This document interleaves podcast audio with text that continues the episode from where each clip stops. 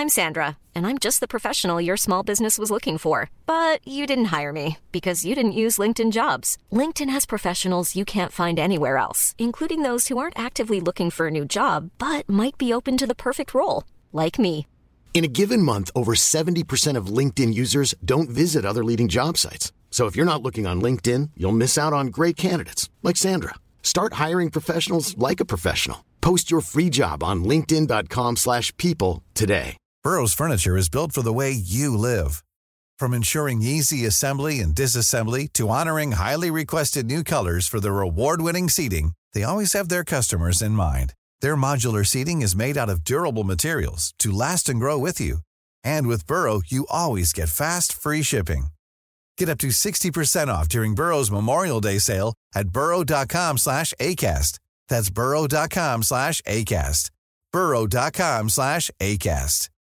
Hi, I'm Daniel, founder of Pretty Litter. Cats and cat owners deserve better than any old fashioned litter. That's why I teamed up with scientists and veterinarians to create Pretty Litter. Its innovative crystal formula has superior odor control and weighs up to 80% less than clay litter. Pretty Litter even monitors health by changing colors to help detect early signs of potential illness. It's the world's smartest kitty litter.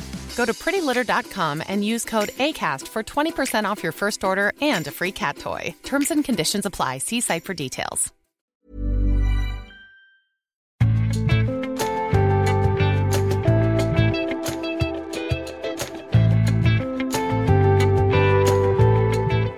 Studiestart, Arendalsboble og kristenboble. Det er overskriften i denne ukens episode av Tore og Tarjei.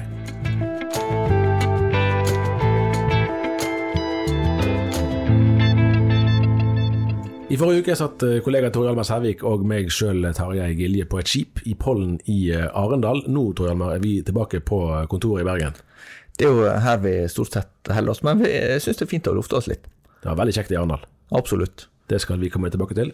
Du skal eh, om eh, bare noen dager faktisk på en litt lengre studie- og reportasjereise til Amerika. Det stemmer. Jeg reiser 1.9, hvis alt går som planlagt. Det skal vi òg komme litt eh, tilbake til. Men vi begynner, vi begynner i Arendal, vi.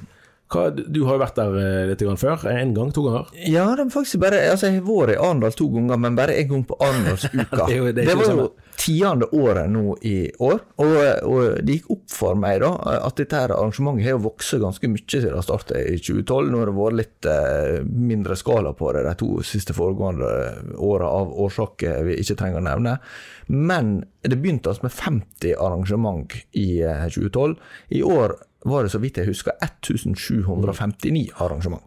Så, så det er ikke akkurat et problem å finne, ja, å fylle dagene, kan du si. Men, men du får jo samtidig en opplevelse av at eh, vi, eh, der er nesten flere mikrofoner enn der er måneder til å snakke i det. Der er liksom et segment av befolkningen som kan liksom skryte av at de, eh, de må rekke gjennom kanskje sånn fire-fem debatter om dagen. Det er ganske få forunt å ha så mange invitasjoner. Ja, vi, vi var vel ikke på det Nei, vi var ikke helt på det nivået. Det tror jeg kanskje ikke vi kommer heller. Men, men noen, noe blir det. Uvant uh, smålåtent fra en bergenser. Nei, altså såpass Nei, kollega Kari Fure ledet jo to debatter. Ja. eh, En om, eh, om eh, religions eh, ja, potensial for krig og fred, eh, kan du si. Eh, Og en, en om underordning. Da var vi reist hjem, så det fikk ikke med oss. Dessverre. Den burde du sikkert ha hørt og sett. Ja, men, eh, men jeg syns egentlig at det gir et interessant innblikk i eh, mye som foregår i det norske samfunnet. Da, og, og eh, at det er veldig mye folk kan ja, engasjere seg i og være medlemmer i og sitte i styret for. Eh, Ja, og det blir jo et sånn mikro, mikro måte, eh, glimt av, av storsamfunnet, selv om selvfølgelig det er massevis uh, av det som skjer i Norge som slett ikke er representert der. Så er det, og det har vært litt sånn tema i år, at, at hvis man prøver å fremstille det her som et sånn elitetreff, da har man nok ikke vært der. For det er mange flere enn statsråder og næringslivstopper som eh, beveger seg der. Ja da, altså det var eh, Brannmenn mot kreft, og det var taterforeninger, Taterforeninga, og det var Det hvite bånd. Vet du hva Det hvite bånd er? Ja, det ligger langt bak i hukommelsen. Ja, for eh, Gud, heim og folk. Eh, Det er en slags, eh, slags eh, avholdsbevegelse, om jeg ikke husker feil.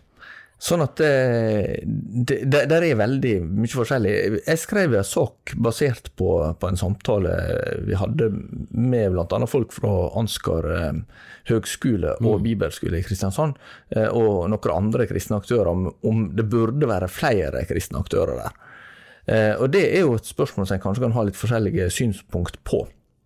Eh, Somme vil jo tenke at her er det veldig viktig å være fordi alle er der.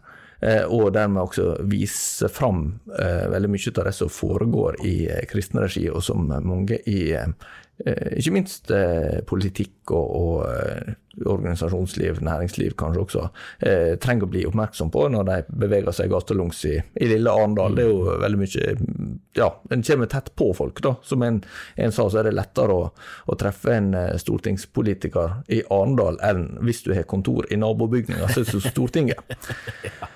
Eh, Men, men eh, samtidig så Ja, det var en forholdsvis beskjeden sum akkurat å ha en stand der, men eh, 6000 kroner. Men du skal bemanne den, eh, og så eh, kan du ha arrangement, men når du skal slåss med 1758 andre, så, så sier det jo seg sjøl at de fleste samler ikke veldig mye folk. Nei, det er jo litt sånn morsomt det der du kan si at vi hadde et seminar i Arendalsuken, og det høres jo fint ut. Eh, Så var det kanskje 50 stykker på det arrangementet, så i Det- seg sjøl var ikke det så veldig Nei, det, det, det er jo en slags parallell til det at vi har en nettside og kan dermed nå hele verden.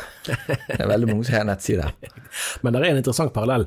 Jeg studerte jo eh, altså Sammenlignende politikk heter det jo i Bergen, det som er liksom den lokale varianten av statsvitenskap.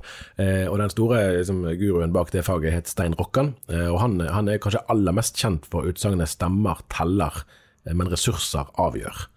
Eh? Og Det går jo på at i demokratiet så har alle borgere altså en stemme er en stemme, men muligheten til å påvirke eh, handler likevel om mye mer enn det. fordi at hvis du f.eks. er organisert, så har du andre ressurser. Så du har, ikke, du har ikke mer stemme, altså mer tyngde bak én stemme ved valget enn andre har, men du har likevel større mulighet til innflytelse. Og man kan snakke om i, i helsevesenet at det finnes to typer helsevesen. Det er for de som vet hva de har rett på, og for de som ikke vet det at pasienten har i prinsippet samme rettighetene, men forutsetningene for å kunne benytte seg av de er forskjellige ut fra, ut fra eh, hva man eh, kjenner til. Og Sånn er det jo litt her òg, at dette er på en måte en mulighet til å øve innflytelse. Rent sånn formelt så er Stortinget vedtar de samme lovene, og statsbudsjettet skal vedtas med gyldighet for alle. Men det der er arenaen til å kunne Ja, der kom en statsråd gående forbi standen min tilfeldigvis. Vi hadde ikke avtalt noe møte, men der kom han eller hun, og så fikk vi en liten prat. Og så er det kanskje det som skal til da, til å gjøre en forskjell for en eller annen prioritering. Ja. Et ann, en annen dimensjon ved rockeren Jeg eh, kan ikke noe som helst om rockeren. men Har vi en samtale om den Rokkan nå? Det. Ja, nei, den, den skal bli meget kort. Men, men, men uh, han er jo også kjent for sentrum-periferi-spenninga. Og der stopper min kjennskap til Stein Rockan. Så jeg tror vi skal gå videre, Det er jo en veldig viktig sak. videre på det. Men den er jo veldig interessant jo, også i man, Norge. tror jo, man tror jo ofte det at det er ideologi, sant? Altså, mer eller mindre stat og høyre og venstre som skiller i politikken, og det er det jo. Men en helt annen konfliktlinje er jo nettopp det med sentrum og periferi. Hvem er det som skal bestemme over hvem? Eh, som ofte har, kan ha vel så mye å si for hvem man til slutt gir sin støtte til ved valg, som nødvendigvis skattepolitikk, f.eks. Ja. Eh, og, og det er vel også en sånn dimensjon som, som eh, en blir klar over der, da. At, at er du i periferien En ting er geografisk, men hvis du er i periferien ideologisk eller relasjonelt, eller hva man skal kalle det, så kan du veldig fort havne utafor. I samfunnet. Altså, visst hvis det ikke Det var som en, eh, en professor som jeg havna på et sånt eh, seminar med da jeg tok master på, på universitetet i sin tid. Eh, at eh, når han ville ha et forskningsprosjekt, så var det bare å tute med ulvene, eller eh, ule med ulvene. Fordi at han, han visste at eh, han måtte ha et prosjekt, så han måtte bare få oppmerksomhet rundt, og, og dermed forhåpentligvis få, få penger til det. Eh, og, og litt sånn er det jo med organisasjoner og alt mulig også. En, en må liksom Ja, de må be for sin syke mor. Og så er det jo en kjensgjerning at det er jo i og for seg en altså En ting er jo, er jo mange kristne kan nok oppleve nettopp det at de er i periferien, eh, og at det er motstand fra politiske ledere og fra medieeliter og kulturelle eliter og hva det måtte være. Og til dels kan det jo være noe i det, men så er det jo òg en, en side i saken som ikke handler om motstand, men bare det at, at det er mange mennesker som rett og slett ikke kjenner til disse miljøene. De vet ikke hva de står for, de vet ikke forskjell på, på altså, konservativ, liberal, bedehus, frikirke, Den norske kirke. Er det så mye forskjell på katolikker, ortodokse, protestanter osv.? Eller er det, hva er forskjell på kristne skoler og andre skoler, egentlig? Man vet ikke. Eh, Og hvis det da ikke er noen som stiller seg opp og viser at her er vi, dette er det vi står for, så får jo da den mangel på kunnskap forplante seg. Men, men hva var sånn sett eh, det du gikk eh, fra den samtalen vi hadde med, med folka fra, fra Ansgar skole? Så det er jo Misjonskirken Norge, eller Misjonsforbundet som det het tidligere, som, som eier den. Eh, men men hva, hva setter du igjen med? Altså, tenker du at du du skulle gjerne sett flere med stand? Ja, virkelig. Tenker du det hadde betydd noe? Ja, altså det er ikke sikkert det der, for, for skolens del, det er gjerne ikke der de rekrutterer flest studenter. Nei, og det, dette er jo akkurat i den veka de studentene ja, kommer tilbake. ja, det er en faktisk sak, sånn at det ikke er liksom på den måten av stor betydning. Men det er jo masse folk der som man har veldig interesse av å kunne snakke med likevel. Og så er det bare noe med å være til stede. De er sånn svulstig sagt demokratiets dansegulv og sånn og sånn. Men dette er jo en, en arena der veldig mange interesser og veldig mange mennesker eh, møtes, og da er det bare noe i det å melde seg på. Og i hvert fall hvis man eh, det blir noe sånn eh, hult i å klage over at man ikke når frem i en offentlig debatt, eller at man ikke blir hørt, hvis man faktisk ikke har prøvd. Eh, og nå er det jo kanskje noen som har prøvd osv., det skal ikke jeg liksom gjøre meg til dommer over.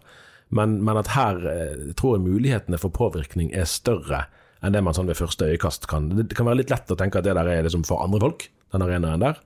Eh, at her, her uh, syns jeg flere burde gjøre som eh, Ansgar. Men kan det være en ender opp med, med å stå og snakke med folk en kjenner fra før og tenke at nå er vi med på å påvirke gjøre noe viktig, og så egentlig så, så er det liksom gjensyn med, med gamle Altså Litt sånn er det vel de gjør, hele gjengen. Og det er jo en, en av de tingene som er sånn fascinerende. Altså, en ting er jo De politiske partiene er jo der. Sant? Eh, Både store og små. Der er det som en standgate for liksom, de som er på Stortinget, og så er det en liksom, side, sidegate. Der er jo f.eks. Partiet De kristne. De har jo vært der eh, flere år. Ja, de ble dessverre utsatt for hærverk i år. Ja, ja. Det var jo den, Men de var der likevel. De hadde jo faktisk to De hadde, de hadde en båt òg, så vi, Ja. ute i, i da. der. Eh, For det, altså det er bransjetreff, for det vil jo være for PR-byråer og ulike ideelle aktører, og, altså Røde Kors og Redd Barna og hvem det måtte være som òg er der. Så ja, det er et element av det at man snakker med sine kollegaer som man òg snakket med i fjor. Men sånn er det jo eh, i, i mange slags eh, sammenhenger. Og det er nok av de som er tidligere politikere som nå møter tidligere kollegaer i respektive nye roller, enten i offentlig forvaltning eller i det private ideelle, hva det måtte være. Så det er jo så, men, men det er jo òg en synlighet i det, eh, og selvfølgelig er det mange muligheter, både formelt og uformelt, til å treffe eh, innflytelsesrike mennesker. Som, som, der den kontakten vil kunne ha ganske konkrete utslag. Men eh, blir du litt minnet om det som eh, Det var vel eh, den tyske rikskansler, eller kansler heter det kanskje bare på den tida, Otto von Bismarck sa, den som viste hvordan pølse og politikk ble til. Han misunnatte søvn over resten av livet. Ja da. For, for du, du kan jo begynne å lure hvis det var bare det en samtale med en politiker, eller gjerne en statsråd, på en stand eh, i ei gate i Arendal en sommer ettermiddag, som gjorde forskjeller på Ja meg. En fikk st- store Men det er kanskje det som er døråpner. Det er klart at man får ikke liksom, Det er vel sjelden det at eh, statsråder går rundt og bevilger penger eh, liksom, eh, gjennom et håndtrykk her og der. Det er ikke, ikke sånn det fungerer. Men det er kanskje den man møtes der, og da er det lettere å avtale et formelt møte eh, til høsten, eller hva det måtte være. Eller neste gang statsråden er i den regionen. Så ja, vi møtes jo i Arendalsuken, kan ikke vi komme innom her og så skal vi fortelle litt om hvem vi er og hva vi holder på med og sånn. Eh, Sånn, at, og den, og sånn er jo mennesker. Ja. Hvis du først har møtt noen, så er det mye lettere å, å ta kontakt på nytt. må vel også tilstå det at sjøl for oss som eh, Ja, ja, nå beveger ikke vi oss akkurat i de mest sånn eh, kjendistunge kretsene til, til vanlig, men, men eh, en, en blir jo vant med etter hvert å være plasser der det er folk du kanskje ellers ser på TV og sånn.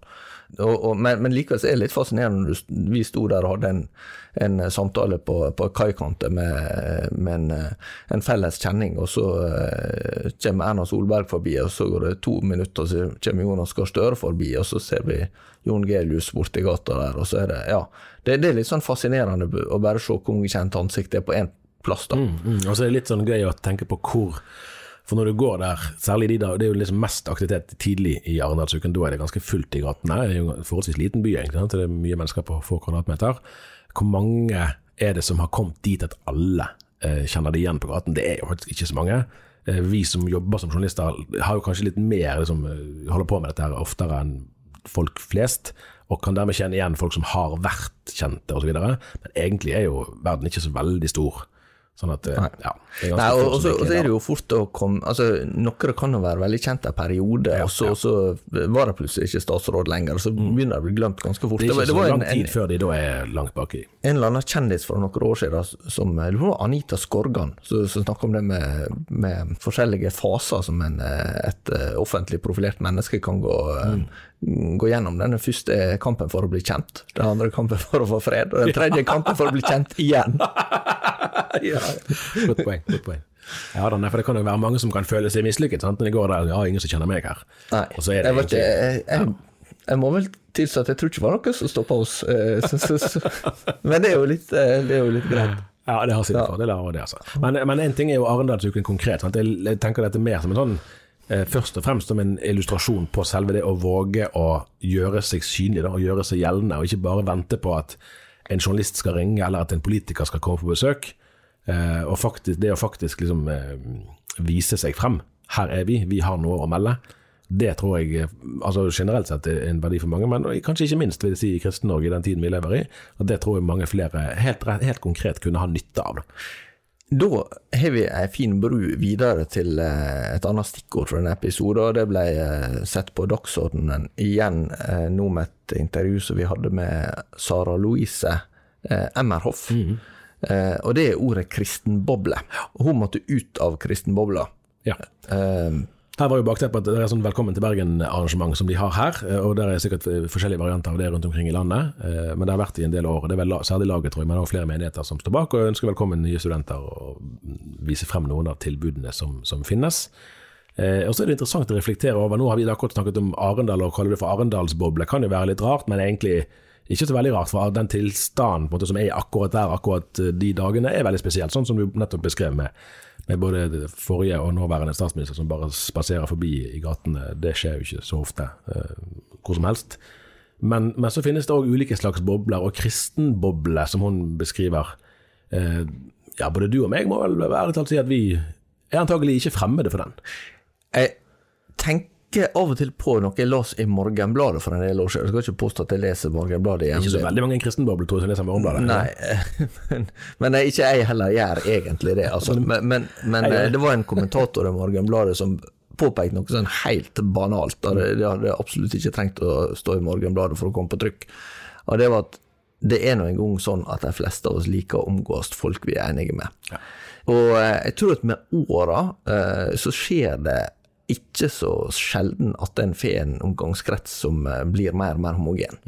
Eh, og det tror jeg enten du er, er eh, med Ja, om, om du er vegetarianer, eller du er fotballentusiast, eller du er eh, finansmann, eller eh, arbeider, eller hva som helst, så, så tror jeg at ganske mange da, vil, vil ha en omgangskrets som er, som er ja, der, der flere ligner på en sjøl. Like barn leker best, er jo egentlig en Ja, men, men samtidig så er det klart at det er jo et eh, eh, En kan ikke redusere det å ha en kristen tro til en hobby eller et slags interessefellesskap.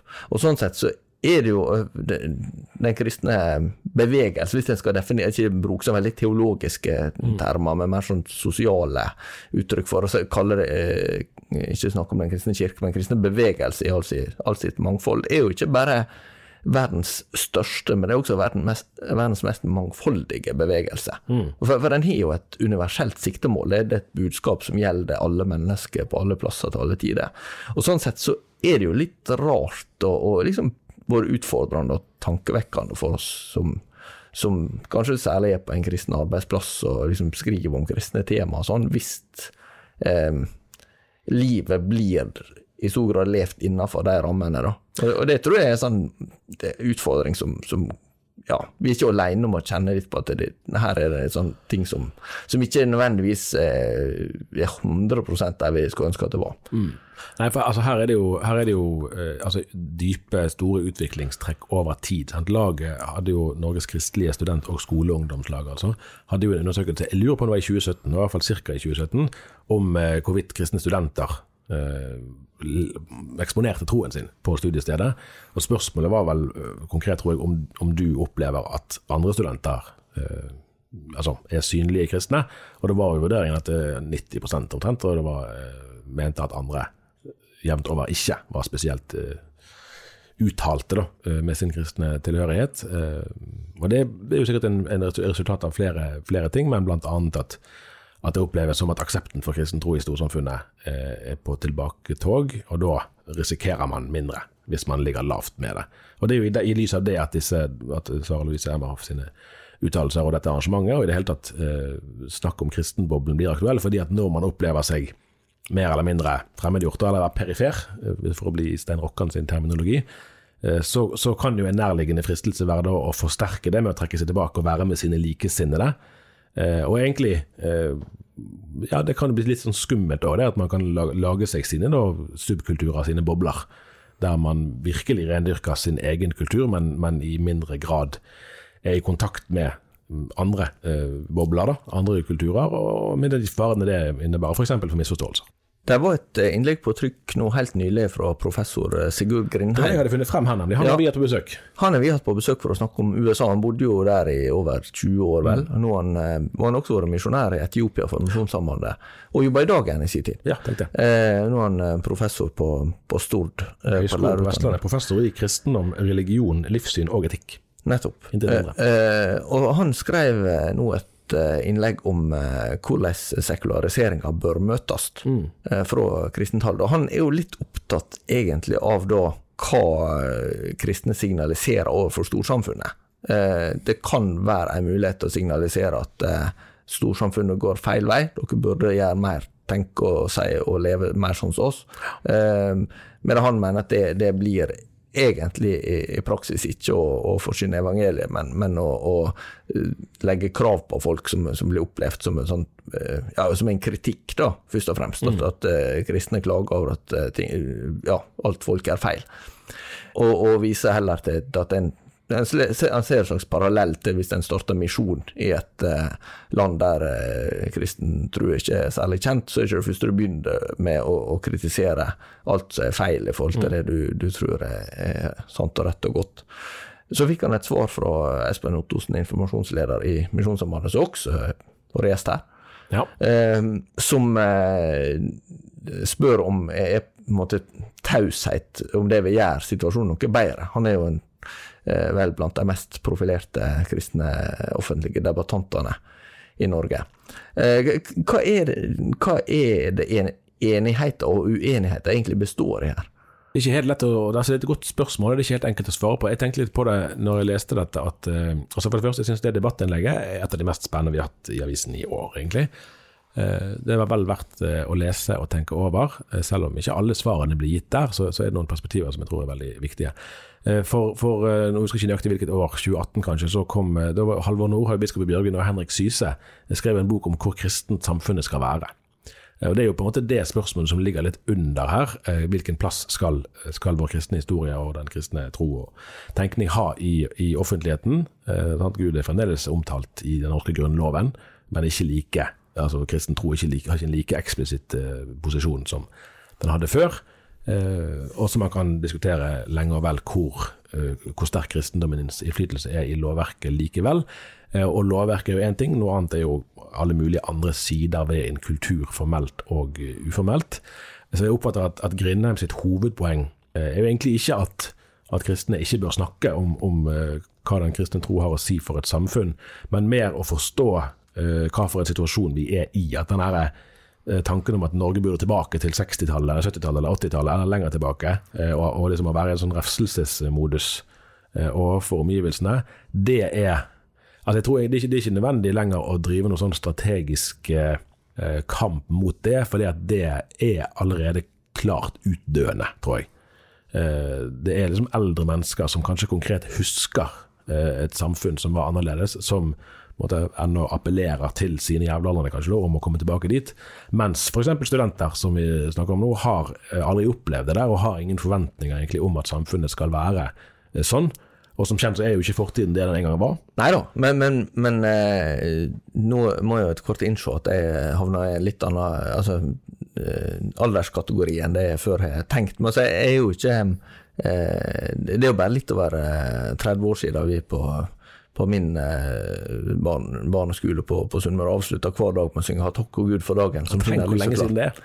Ja, det er en generasjon, sant. Ja, det er Eh, en men- generasjon der det har skjedd. Ja. Altså, for det er jo viktig, viktig, og svært viktig for oss å huske på. Sant? At hvor, jeg husker jeg hørte en gang en, en predikant som snakket om det, at hvor Altså hvor lang tid det tok før den faktiske, altså summen av faktisk kunnskap i en befolkning før den ble doblet. Eh, sant? I gamle, gamle, altså middelalderen så kunne det jo kanskje gå generasjoner, mens nå er det liksom den summen av ny kunnskap vi får tak i i løpet av et år, måtte man bruke mange år på å få tak i før. Sånn at de 30 årene er på en måte mye mer enn 30 år i et sånt kulturelt, Ja, kulturhistorisk eh, perspektiv. Intensivering. Ja, sånn at for disse studentene da, som er tidlig i 20-årene nå, så vil jo en del av de debattene som går i dagen f.eks., være helt uh, uinteressante, egentlig. For dette, de, de, de snakker om en annen verden enn den disse menneskene lever i. Og da er den kristenboblesamtalen ekstra interessant. da. Eh, hvordan er det disse menneskene skal leve ut sin kristne tro i det, i det samfunnet vi lever i? Ja, for, for eh, det er vel sånn paradoksal sannhet at du kan si på, på ene måte har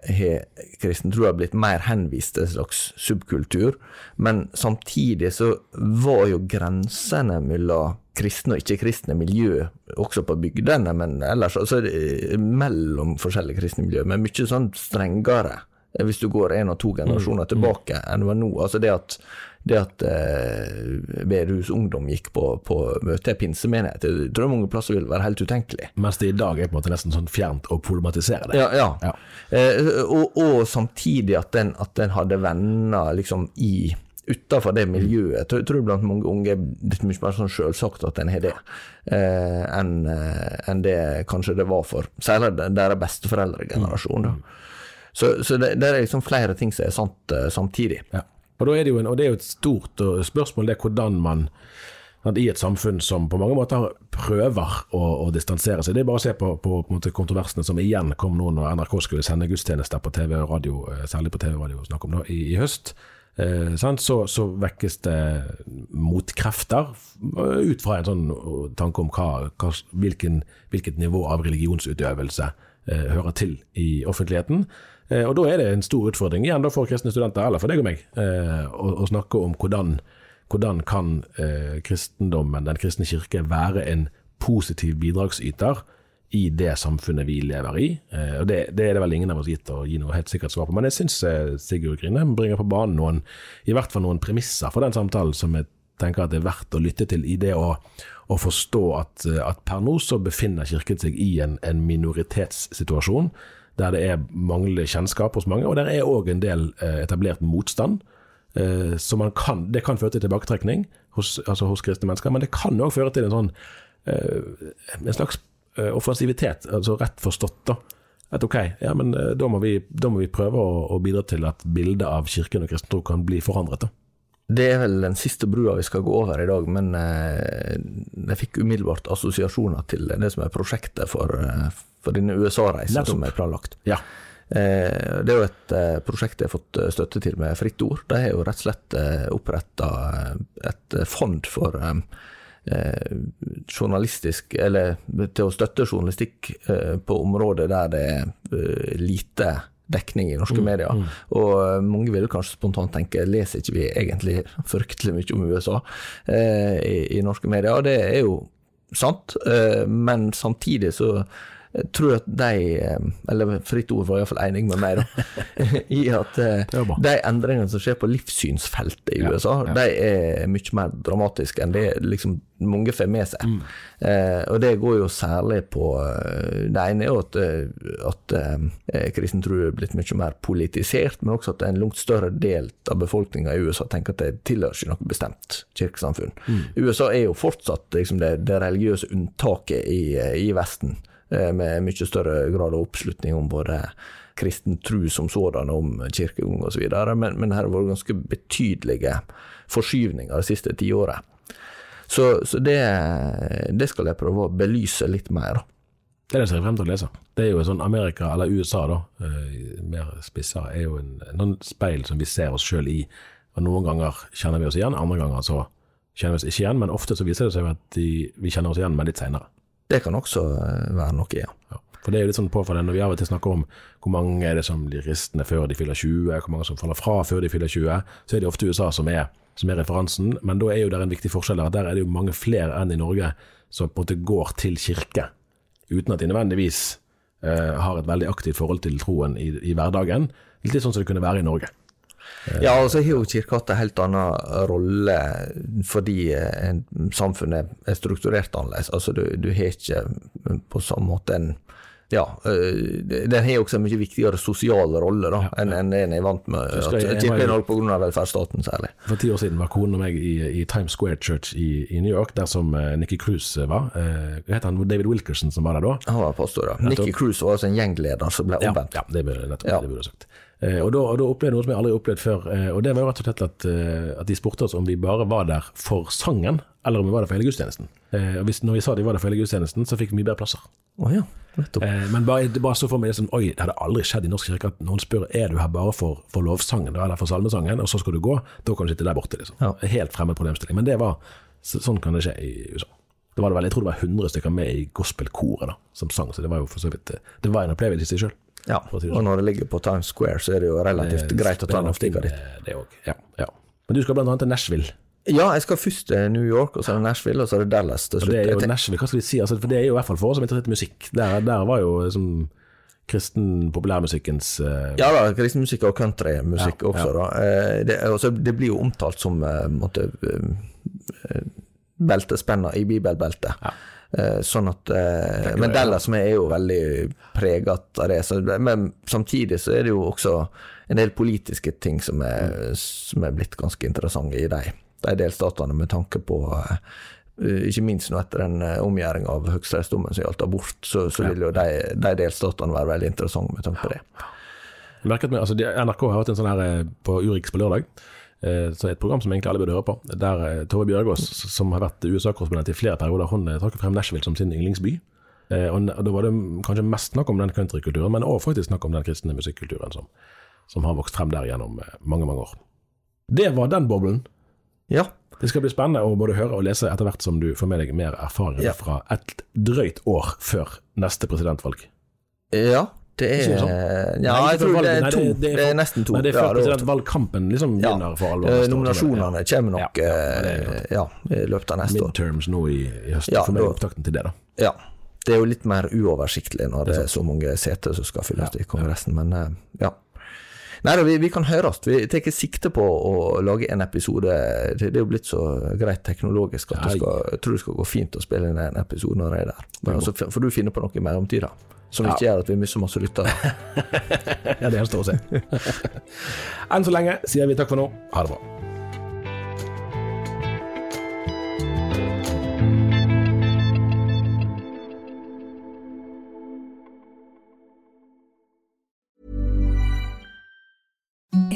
The softest sheets you've ever felt. Now imagine them getting even softer over time. That's what you'll feel with Bowl and Branch's organic cotton sheets. In a recent customer survey, 96% replied that Bowl and Branch sheets get softer with every wash. Start getting your best night's sleep in these sheets that get softer and softer for years to come. Try their sheets with a 30-night guarantee. Plus, get 15% off your first order at bowlandbranch.com. Code BUTTERY. Exclusions apply. See site for details. Hi, I'm Daniel, founder of Pretty Litter. Did you know cats tend to hide symptoms of sickness and pain? I learned this the hard way after losing my cat, Gingy. So I created Pretty Litter, a health monitoring litter that helps detect early signs of illness by changing colors, saving you money and potentially your cat's life. Pretty Litter is veterinarian developed, and it's the easiest way to keep tabs on your fur baby's health right at home. Go to prettylitter.com and use code ACAST for 20% off your first order and a free cat toy. Terms and conditions apply. See site for details. Hey, it's Paige DeSorbo from Giggly Squad. High quality fashion without the price tag. Say hello to Quince. I'm snagging high-end essentials like cozy cashmere sweaters, sleek leather jackets, fine jewelry, and so much more. With Quince being 50 to 80% less than similar brands.